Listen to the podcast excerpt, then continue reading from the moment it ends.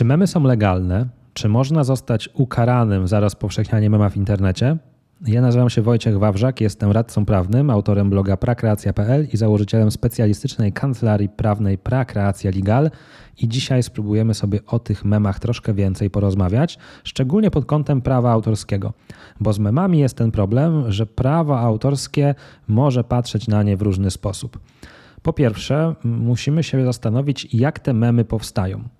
No najczęściej powstają tak, że mamy jakieś zdjęcie, jakąś grafikę, na to nanoszony jest tekst. I rzadko jest tak, że twórca tego mema korzysta ze swojego zdjęcia. Najczęściej jest to jakieś zdjęcie dostępne w internecie, zapożyczone z jakiegoś serwisu. I tutaj pojawia się pierwszy problem. Zdjęcie jako takie, to zdjęcie, które jest podstawą mema, korzysta z ochrony prawa autorskiego.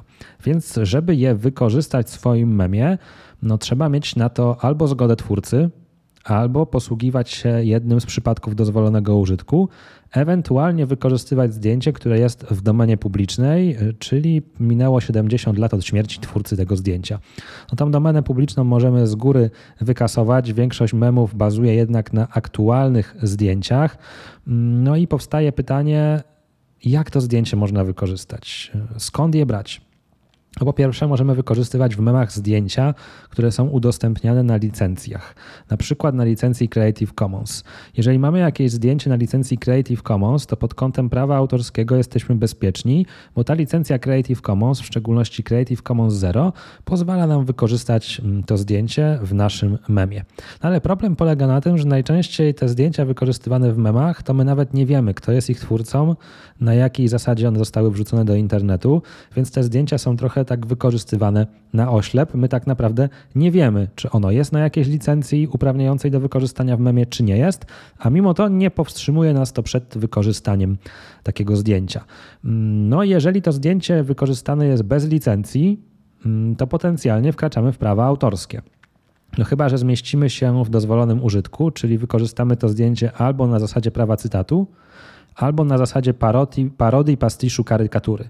Mm, cytat w memie najczęściej nie będzie do obrony, bo musimy pamiętać, że ten cytat w myśl prawa to jest troszeczkę inny niż taki cytat pojmowany intuicyjnie. Prawo mówi, że ten cytat musi służyć określonym celom, takim jak wyjaśnianie, polemika, krytyka, nauka.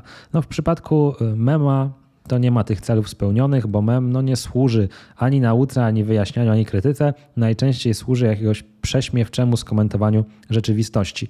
I wprawdzie tam w tych celach cytatu wskazanych w ustawie o prawie autorskim pojawia się jeszcze taki wytrych jak prawa gatunku twórczości, czyli można wykorzystać czyjś utwór w całości lub we fragmencie, mm, powołując się na prawo gatunku twórczości, ale nie ma zgody wśród prawników, jak to prawo gatunku twórczości rozumieć. Raczej nie skłaniałbym się do interpretacji, że mem jest prawem gatunku twórczości samym w sobie, a w związku z tym y, każde zdjęcie na zasadzie prawa gatunku twórczości można zacytować w memie, bo wtedy tak naprawdę sens ochrony prawno-autorskiej by malał. Także moim zdaniem mem y, i cytat y, to wykorzystanie zdjęcia powołując się na cytat w memie nie będzie skuteczną ochroną. Bardziej skuteczne mogło być powoływanie się na parodię, pastisz, karykaturę, pod warunkiem, że rzeczywiście to zdjęcie samo w sobie my w jakiś sposób parodujemy, karykaturujemy, pokazujemy w jakimś prześmiewczym wydaniu.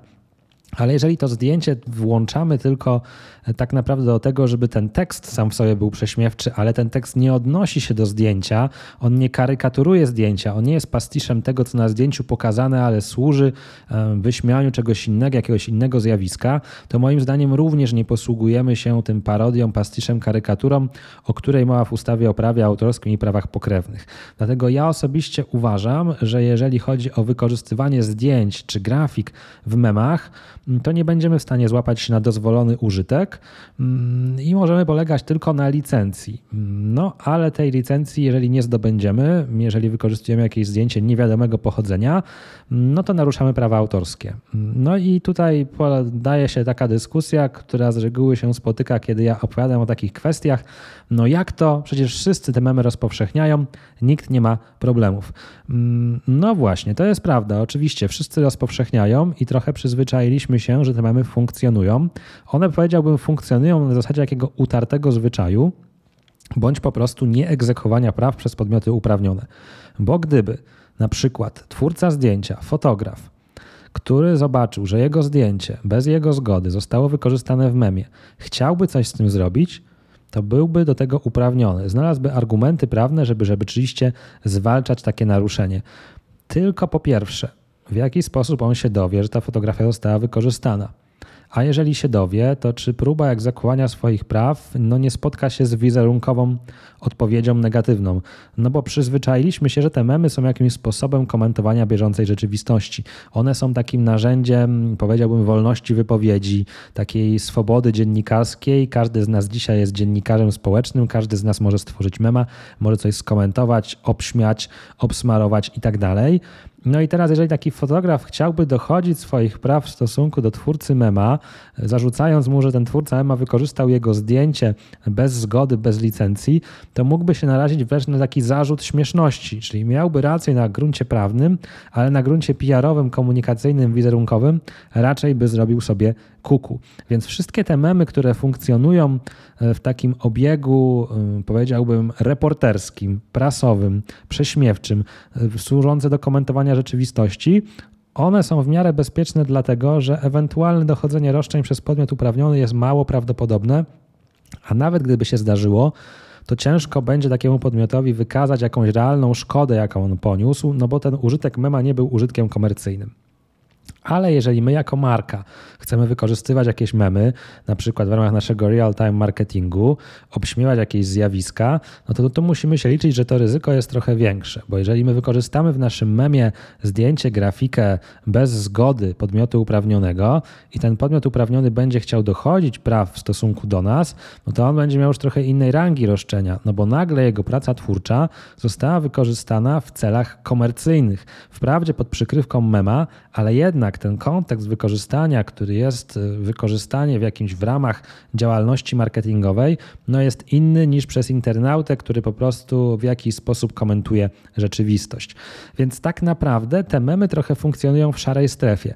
One nie do końca są legalne, one naruszają często prawa autorskie do grafik, do zdjęć, natomiast funkcjonują dlatego, że nie bardzo zawsze jest interes w ich zwalczaniu przez podmiot uprawniony.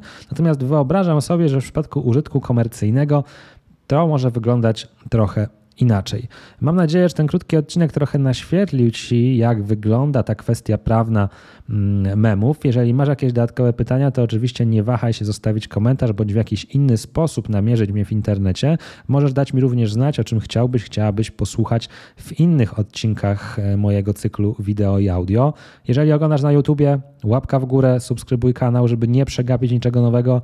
Jeżeli słuchasz tego jako odcinka podcastu w Spotify lub gdzieś indziej, będę wdzięczny za pozostawienie recenzji, dodanie odpowiedniej liczby gwiazdek. To zawsze miłe, to zawsze stymulujące, to zawsze przyjemne dla mnie jako twórcy. Wielkie dzięki za uwagę, trzymaj się ciepło, do zobaczenia, do usłyszenia, papa. Pa.